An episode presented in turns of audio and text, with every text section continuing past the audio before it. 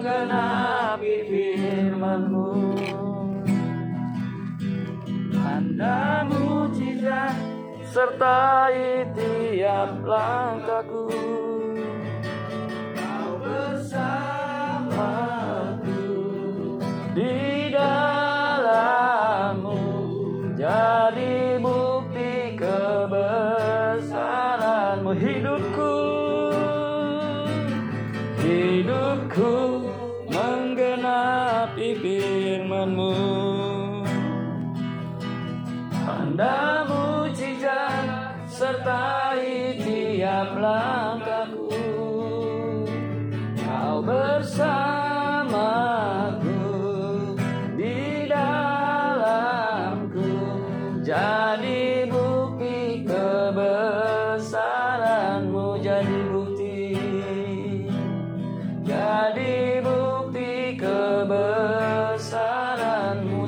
lagi katakan jadi bukti.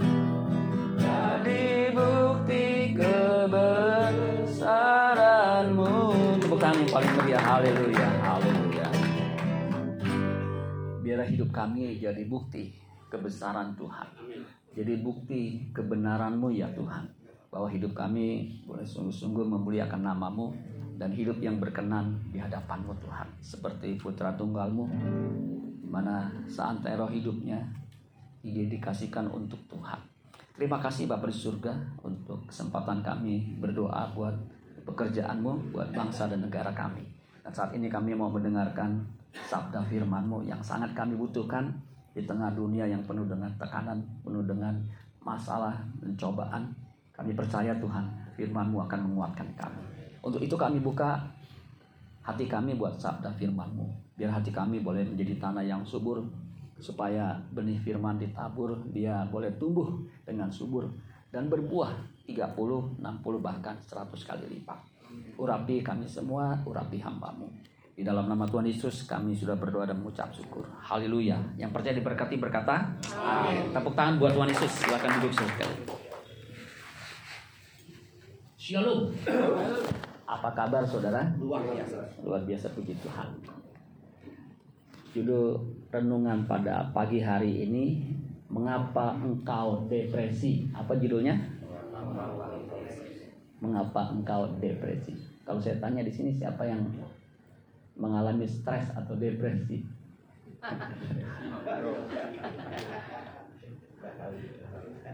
Menurut ilmu psikologi, studi psikologi, stres itu bisa melanda siapa pun, baik orang dewasa maupun anak-anak, baik orang kaya, apalagi orang itu stres, saudara. Nah, orang miskin sama orang kaya yang lebih banyak stresnya orang kaya atau orang miskin? orang kaya pak Ah, betul ya. karena dia takut miskin Iya. Kalau orang kaya nggak takut kaya, eh, orang miskin nggak takut kaya. Betul, betul analisanya. Jadi pendek kata, apalagi ya waktu pandemi itu banyak orang yang tertekan. Ya. Eh, ada artis, ya itu didapati jual narkoba. Ketika ditanya kenapa jual narkoba, habis sepi job, job tahu ya, artis itu job tuh berarti kan uh, kerjaan yang dia bisa mendapatkan duit. Sepi job. Jadi stres. Nah karena stres jadi jual narkoba.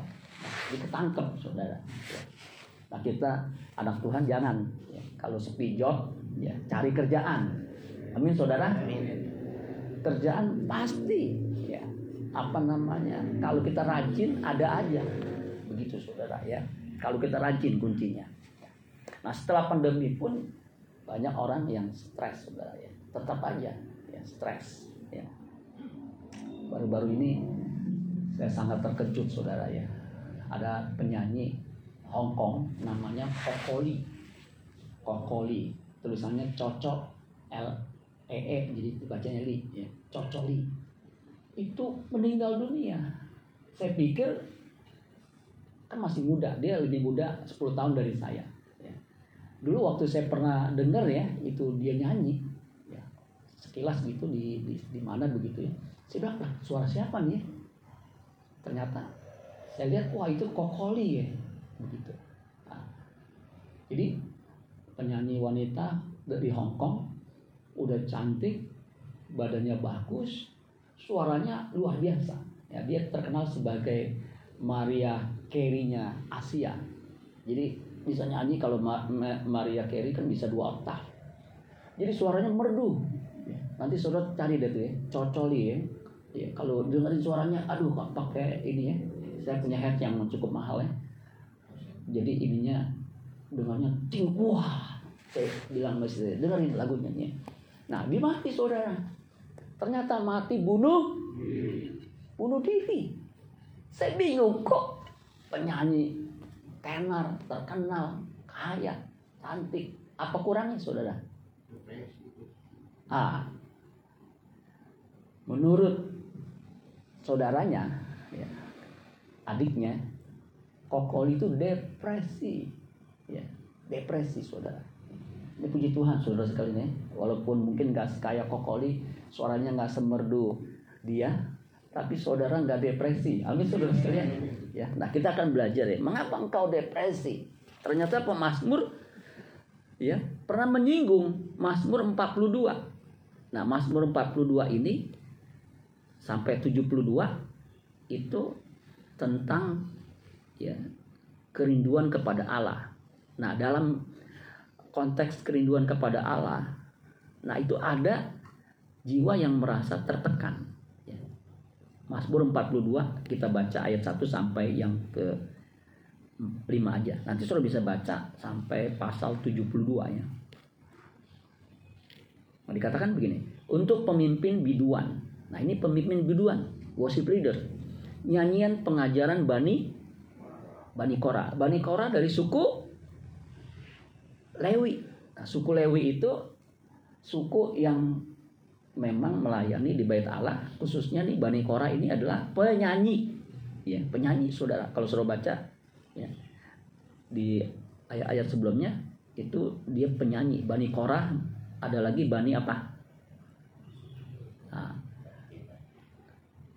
ah ini suku Lewi dia memang untuk penyanyi seperti rusa yang merindukan sungai yang berair. Demikianlah jiwaku merindukan engkau ya Allah. Nah ini ada lagunya tuh. Seperti rusa rindu sungaimu jiwaku rindu engkau. Nah ini syair dari sini. Ya. Jiwaku haus kepada Allah kepada Allah yang hidup. Bilakah aku boleh datang melihat Allah nah kan ada juga nih jiwa jiwaku haus ya air mataku menjadi makananku siang dan malam ini berarti mengalami kesedihan yang mendalam kenapa air matanya siang dan malam. Ya. Karena sepanjang hari orang berkata kepadaku, di mana Allahmu? Nah ini pergumulan. Ya. Inilah yang hendak ku ingat. Sementara jiwaku gundah gulana. Jadi kalau jiwa kita gundah gulana, ini yang diingat mesti ini. nih. Bagaimana aku berjalan maju dalam kepadatan manusia? Mendahului mereka melangkah ke rumah Allah. Jadi kalau saudara gundah gulana datang kepada Tuhan, amin. Pak Eksan atau siapa tuh ya pernah cerita. Ada yang diajak ke gereja, nggak mau ya, banyak masalah. Yang lebih lagi ketika diajak kenapa? Nggak punya duit buat kolektor. Ya, betul Pak Eksan. Ya ke gereja nggak usah, kalau nggak ada duit nggak usah, nggak usah. Kasih kolektor. Malu Pak, saya pernah tanya juga kenapa nggak gereja? Kagak ada duit pak.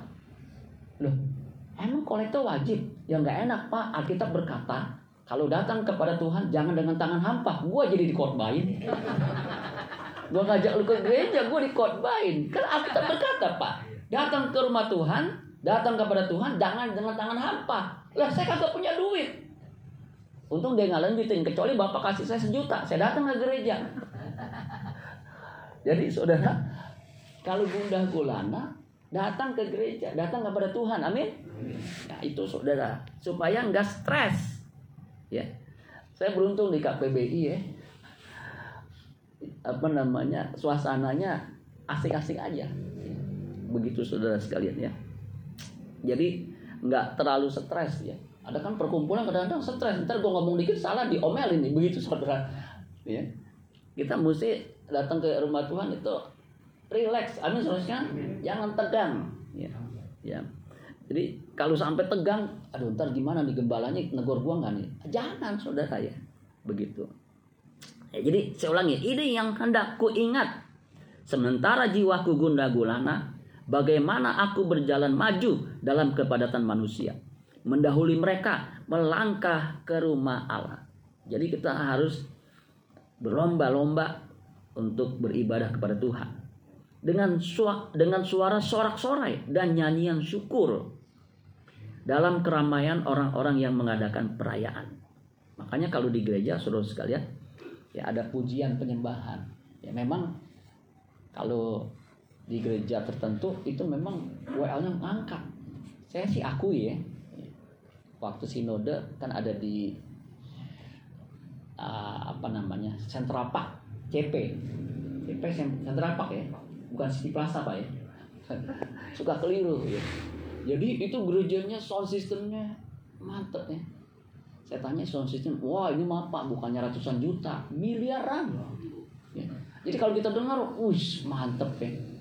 Tuh nyanyinya si NDC Worshipper. Kan pasti dikeluarin kan album terkenalnya tuh ya, lagunya apa begitu ya. Wah nyanyi saya bilang mantep nih ya.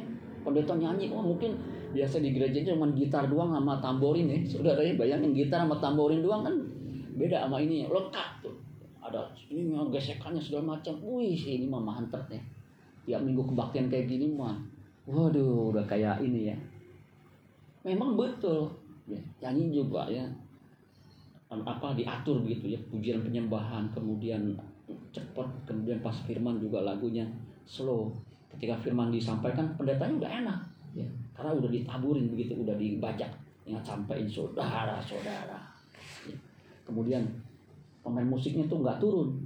Kalau kita kan kadang-kadang lihat bukan di gereja kita sih ya di tempat lain di sono jauh ya. Jadi abis pimpin pujian pemain musiknya ke warteg dulu.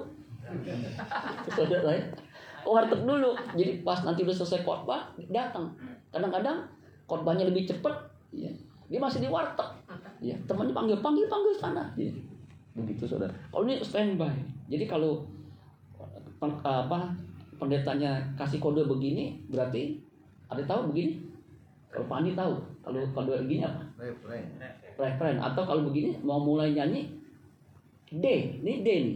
Ya, kalau ini ini C ya begitu. Kalau ini F gitu. Ini G ya kalau ini cakep ya gitu. Jadi wah ada mantep nih. Nah itu hanya gereja tertentu. Mega church yang uangnya bukan hanya ratusan juta udah miliaran. Tetapi suasana rumah Tuhan atau gereja Tuhan walaupun mungkin ya kalau boleh dibilang pemain musiknya cebrik tahu cebrik? Ya kadang-kadang saya pernah khotbah ya udah kesel duluan sebab apa? Udah lagunya pales nyanyinya pales udah gitu. Nadanya begini aduh udah tapi saya diingetin nikmati aja Wah, pas saya denger nikmati. Udah saya ikut nyanyi aja ya. Daripada nanti saya khotbah melototin penyanyi musiknya, jangannya dimakan di warteg nih kan nggak ada ya. Jadi nikmati. Amin saudara sekalian. Ya memang kita harus berusaha gereja kita ya untuk pujian penyembahan sebaik mungkin. Ayat 6. Mengapa engkau tertekan hai jiwaku dan gelisah dalam diriku? Berharaplah kepada Allah sebab aku akan bersyukur lagi kepadanya, penolongku dan Allahku. Nah, kalau saudara perhatikan, mengapa engkau tertekan hai jiwaku dan gelisah dalam diriku? Itu ternyata kemungkinan ini ref. Kenapa saya bilang ref? Kalau saudara baca di pasal yang sama, pasal 42 ayat 12. Mengapa engkau tertekan hai jiwaku dan mengapa engkau gelisah di dalam diriku? Berharaplah kepada Allah, sebab aku bersyukur lagi kepadanya, penolongku, Allahku. Itu sama persis kalimatnya. Bahkan di pasal 43 ayat yang ke berapa tuh? Uh, kelima, mengapa engkau tertekan hai jiwaku dan mengapa engkau gelisah dalam diriku? Berharaplah kepada Allah sebab aku bersyukur lagi kepadanya, penolongku dan Allahku. Biasanya lagu itu ada refnya betul nggak ada chorus chorus tahu ya refnya yang biasanya yang paling disering yang paling sering diulang adalah refnya. Nah refnya biasanya yang enak. Ya kemarin Pak David mau nyanyi lagu yang pertama saya masih kagok lagunya. Itu ternyata refnya enak Pak David. Saya bilang saya coba. Aduh saya nyesel nggak bisa ngiringin ini sebab saya udah panik. Lagunya apa namanya saya nggak begitu uh, ini kan lagu NDC ya. Saya biasanya lagunya si lagunya uh, apa tuh? JPCC begitu ya. Pas saya dengerin lagunya lumayan juga nih. Ya. lebih luas dari samudra. Nah betul kan jadi kasih Tuhan lebih luas dari samudra. Itu sairnya tuh. Kebaikanmu Bapa takkan habis di hidupku. Kemudian apa? Ah terus apa Sungguh ku ber Ternyata lagunya dia juga Pak David ya. Hafal ya. Itu apa namanya Mengandung syair yang lumayan. Bagus saudara ya Lagu ini nih. Judulnya Tak Terbatas ya. Saya pikir lagunya semusim berlalu. Memang semusim berlalu Tapi judul aslinya dari sana Tak Terbatas. Itu di, di diulang-ulang. Ya yang memang lebih enak dibandingkan uh, apa uh, ini bait satu atau bait berikutnya. Nah ini ternyata saudara sekalian, mengapa engkau tertekan hai jiwaku itu refnya diulang-ulang. Biasanya sesuatu yang diulang-ulang itu sesuatu yang punya tekanan, betul nggak saudara? Ya punya sesuatu yang ingin ditekankan. Mengapa engkau tertekan hai jiwaku? Mengapa engkau gelisah dalam diriku. Ternyata saudara sekalian, pemazmur juga mengalami kegelisahan, mengalami tekanan. Ya. Tadi saya katakan stres itu adalah tekanan, ya. atau depresi. Apa sih bedanya stres sama depresi? Kalau stres itu perasaan yang pada umumnya kita rasakan saat berada dalam tekanan. Itu perasaannya. Jadi kalau tertekan itu misal begini, saya manusia kan bisa mengalami tekanan ketika saya diundang khotbah di tempat yang saya nggak begitu familiar itu ada stres betul nggak? Itu wajar. Uh, berapa bulan lalu ya? Uh, sebulan lalu kalau nggak salah. Saya diminta untuk khotbah di uh, jembatan Juanda untuk pemulung ya. Di situ ada 60-an lebih ya. Kemudian nanti bapak habis dari situ ke sana ke taman taman apa tuh? Tanah tinggi, taman tinggi ya. Jadi Bapak dua tempat ya. Kemudian siapin makanan, Pak. Makanan berat, bukannya kue. Selama ini kan kue. Ya. 125, 125 apa 20 tuh ya. Nah itu yang bawa saya stres. Saya udah hitung 20 ribu aja, 125 itu 2 jutaan gitu. Aduh, udah gitu korbannya. Nah kalau khotbah di lapangan begitu suara saya kan nggak begitu besar nggak ada sound system pak nanti khotbah apa adanya begitu itu ada tekanan juga saudara suara saya nggak begitu ini kemudian mesti siapin makanan. Ya, begitu. Nah, singkat cerita pas hari H cateringnya telat lagi. Udah dibilang sama istri saya datang jam 9 mulai jam 10 di sana udah pesen pak datang jangan telat. Sebab di sini jembatan Juanda itu kalau siang ada sospol sospol PP nanti kalau bapak terlambat agak siang lagi khotbah bapak bisa dibawa. Aduh saya bilang stres juga tuh jadi saya khotbah dibawa. Masuk orang ada seorang pendeta dibawa. Sospol pp ditulis namanya CS wah pasti Cecep Suparman? Ya. saya stres juga saudara aduh. Dia terlambat lagi. Datang jam setengah sepuluh. Bahkan udah lewat. Dia udah teleponin. Iya iya lagi jalan iya lagi jalan. Aduh saya daripada stres udah aja saya aja begitu ya. Istri saya yang lebih stres karena dia yang sebagai sekretaris saya kan yang hubungin di sana diteleponin. Udah dia sampai di mana? Udah bentar lagi. Ya di mana? Bentar lagi. Udah gitu kan kita baru pertama kali kan? Biasa di Sarina ayo sampai. Baru sampai. Sini pasangan pak. Udah orang udah nungguin. Karena udah udah nyanyi setengah kali begitu saudara ya. Nah itu ada ada stres ada tekanan ya. Itu biasa saudara sekalian. Ya. Sama ketika kita kerja di bos panggil kita ya mendadak. Ada apa nih? Ah itu stres. Apalagi liftnya mati. Kita naik tangga lebih stres lagi betul nggak? Ya. Jadi stres itu perasaan yang umumnya dapat kita rasakan saat di bawah tekanan. Ya. Merasa kewalahan, merasa kesulitan dengan situasi tertentu itu stres. Kayak saya tuh, aduh, di jalan pemuda macet lagi.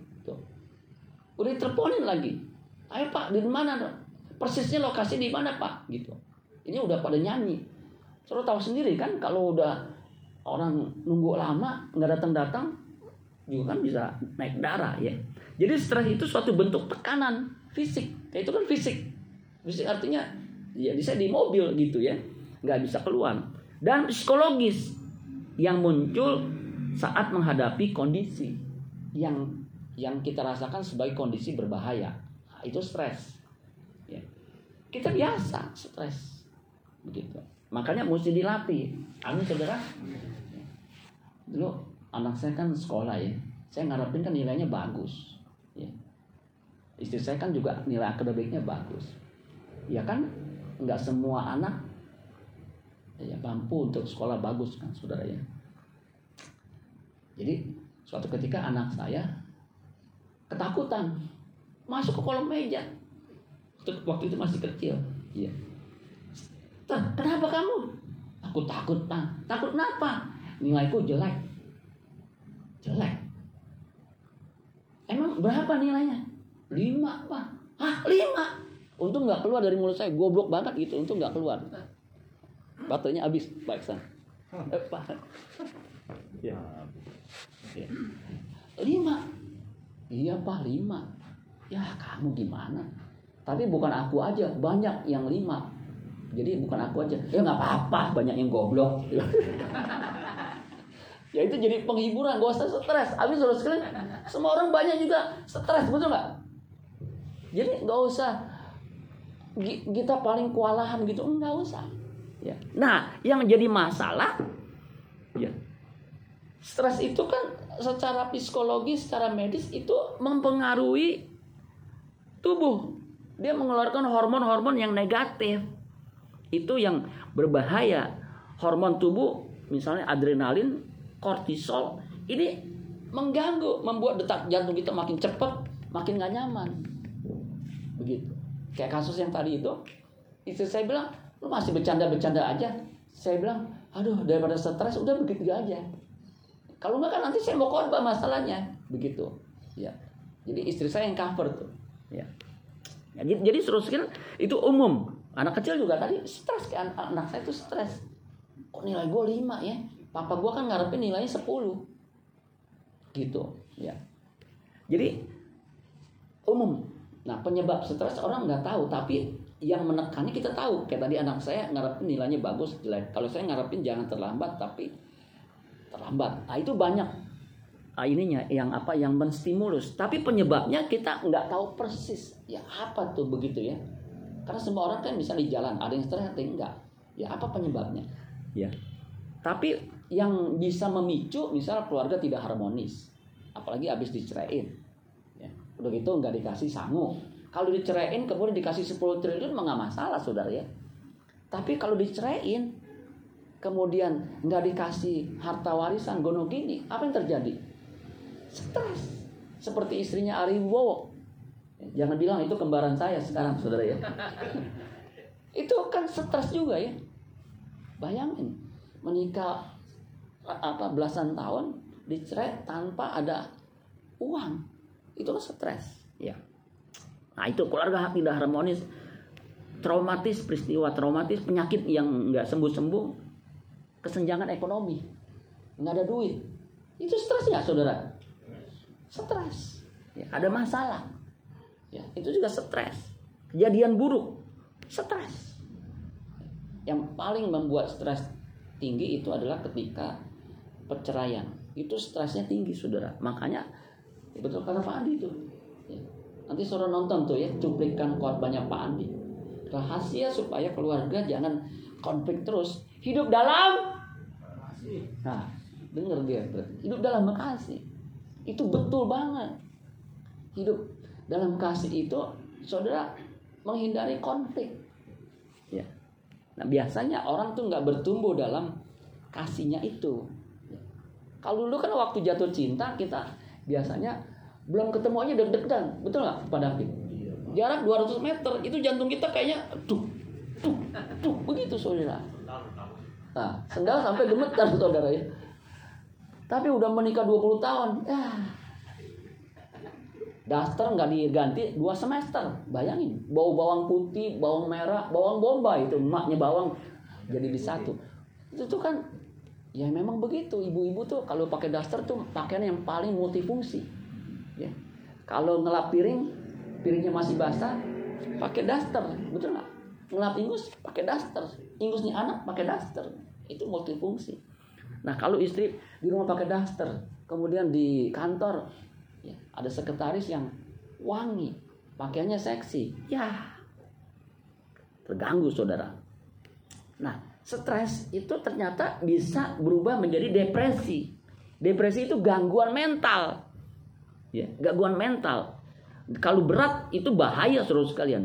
Ya, itu gangguan kesehatan mental. Bisa mempengaruhi emosi dan cara berpikir kalau emosi cara berpikir terganggu perilaku terganggu dan ini kalau dijalani terus menerus, saudara sekalian, bisa punya kecenderungan, kok tahu ya, cenderungan bunuh diri. Nah, Kokoli ternyata mengalami depresi belakangan tahun ini, tahun-tahun ini, ya setelah pandemi ini, mungkin sepi job itu saudara. Ya. Jadi depresi itu sakit mental, mempengaruhi semuanya. Makanya sekalian pemasmur ini ternyata puluhan tahun lalu sudah memberikan jalan keluar. Jadi kalau kita mengalami tekanan, mengalami depresi, kita harus datang kepada Tuhan. Amin. Kemudian kita berharap. Tadi aku berharap Allah itu penolong. Ya. Jehovah.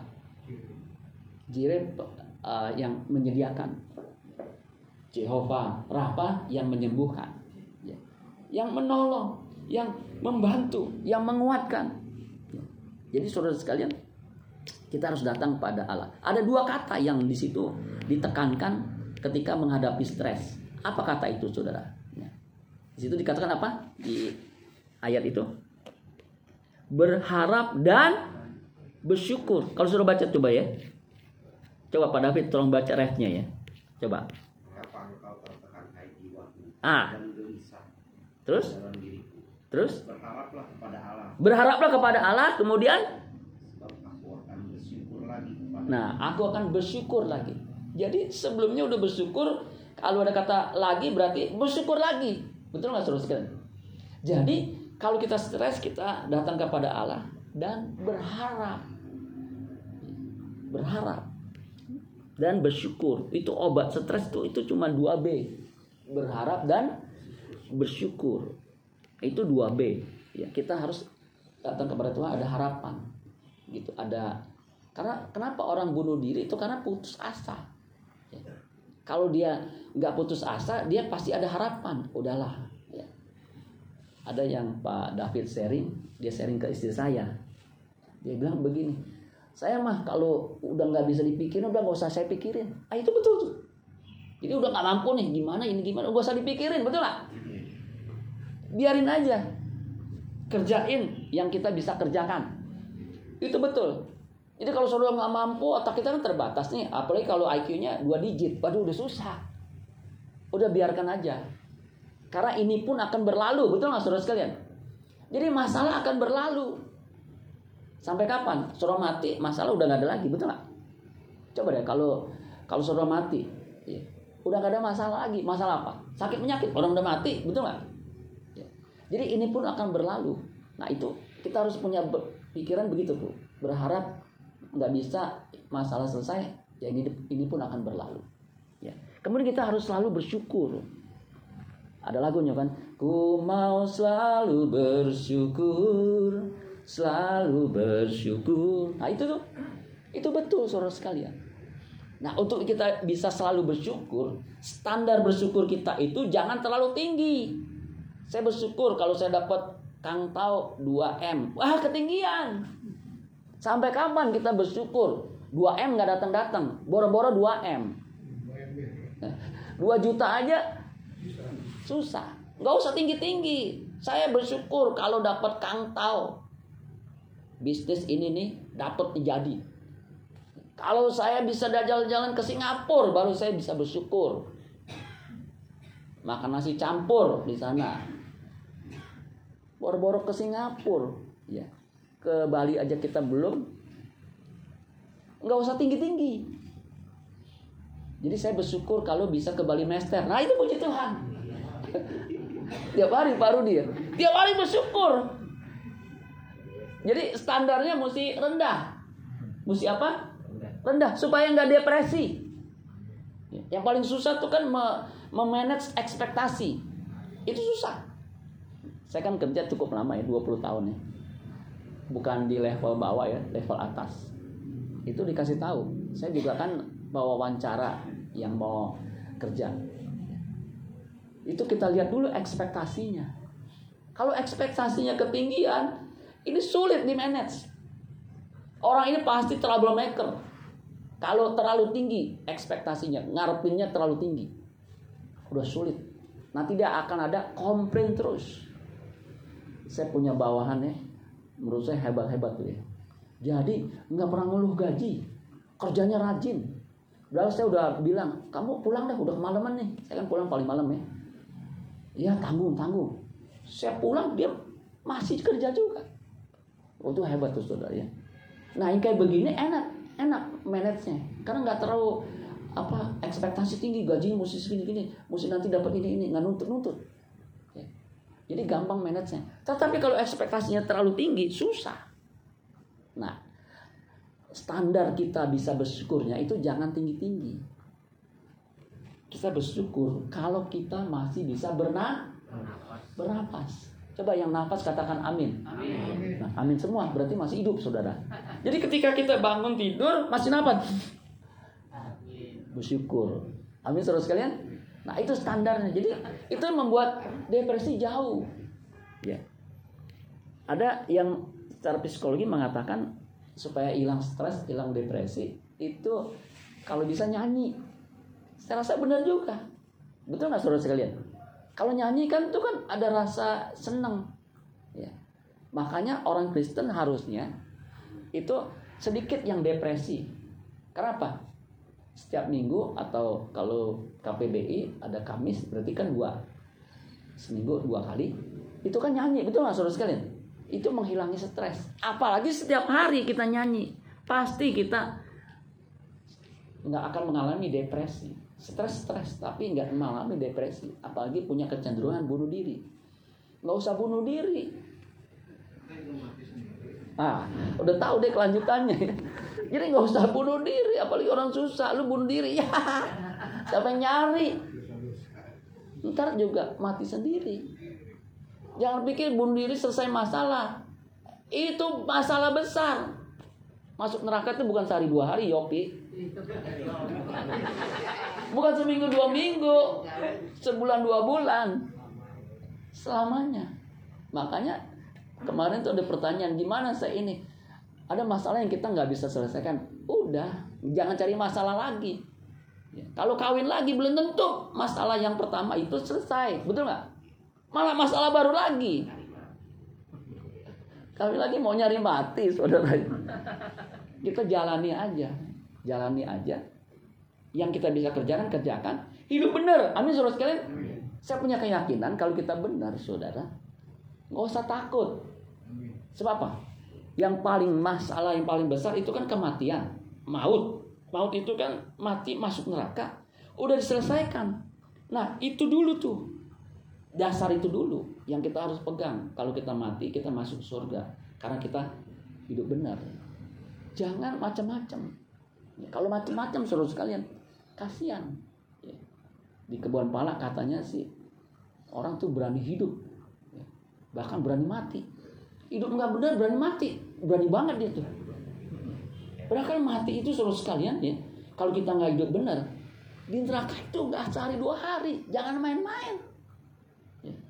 makanya saya sangat menyesalkan kokoli ini ya aduh karena saya kan pernah mendengar suaranya Kok kenapa dia bisa begitu? Karena depresi. Kenapa dia bisa depresi? Karena tidak ditangani. Mari kita tangani stres kita setiap kali dengan bersyukur. Ya, kita bersyukur kalau kita bisa bernapas. Ya, sepanjang kita bersama dengan Tuhan, nggak ada masalah yang tidak bisa selesaikan. Amin buat firman Tuhan. Tuhan Yesus memberkati. Tepuk tangan buat Tuhan Yesus. Kita nyanyikan lagu Ku ingin selalu bersama.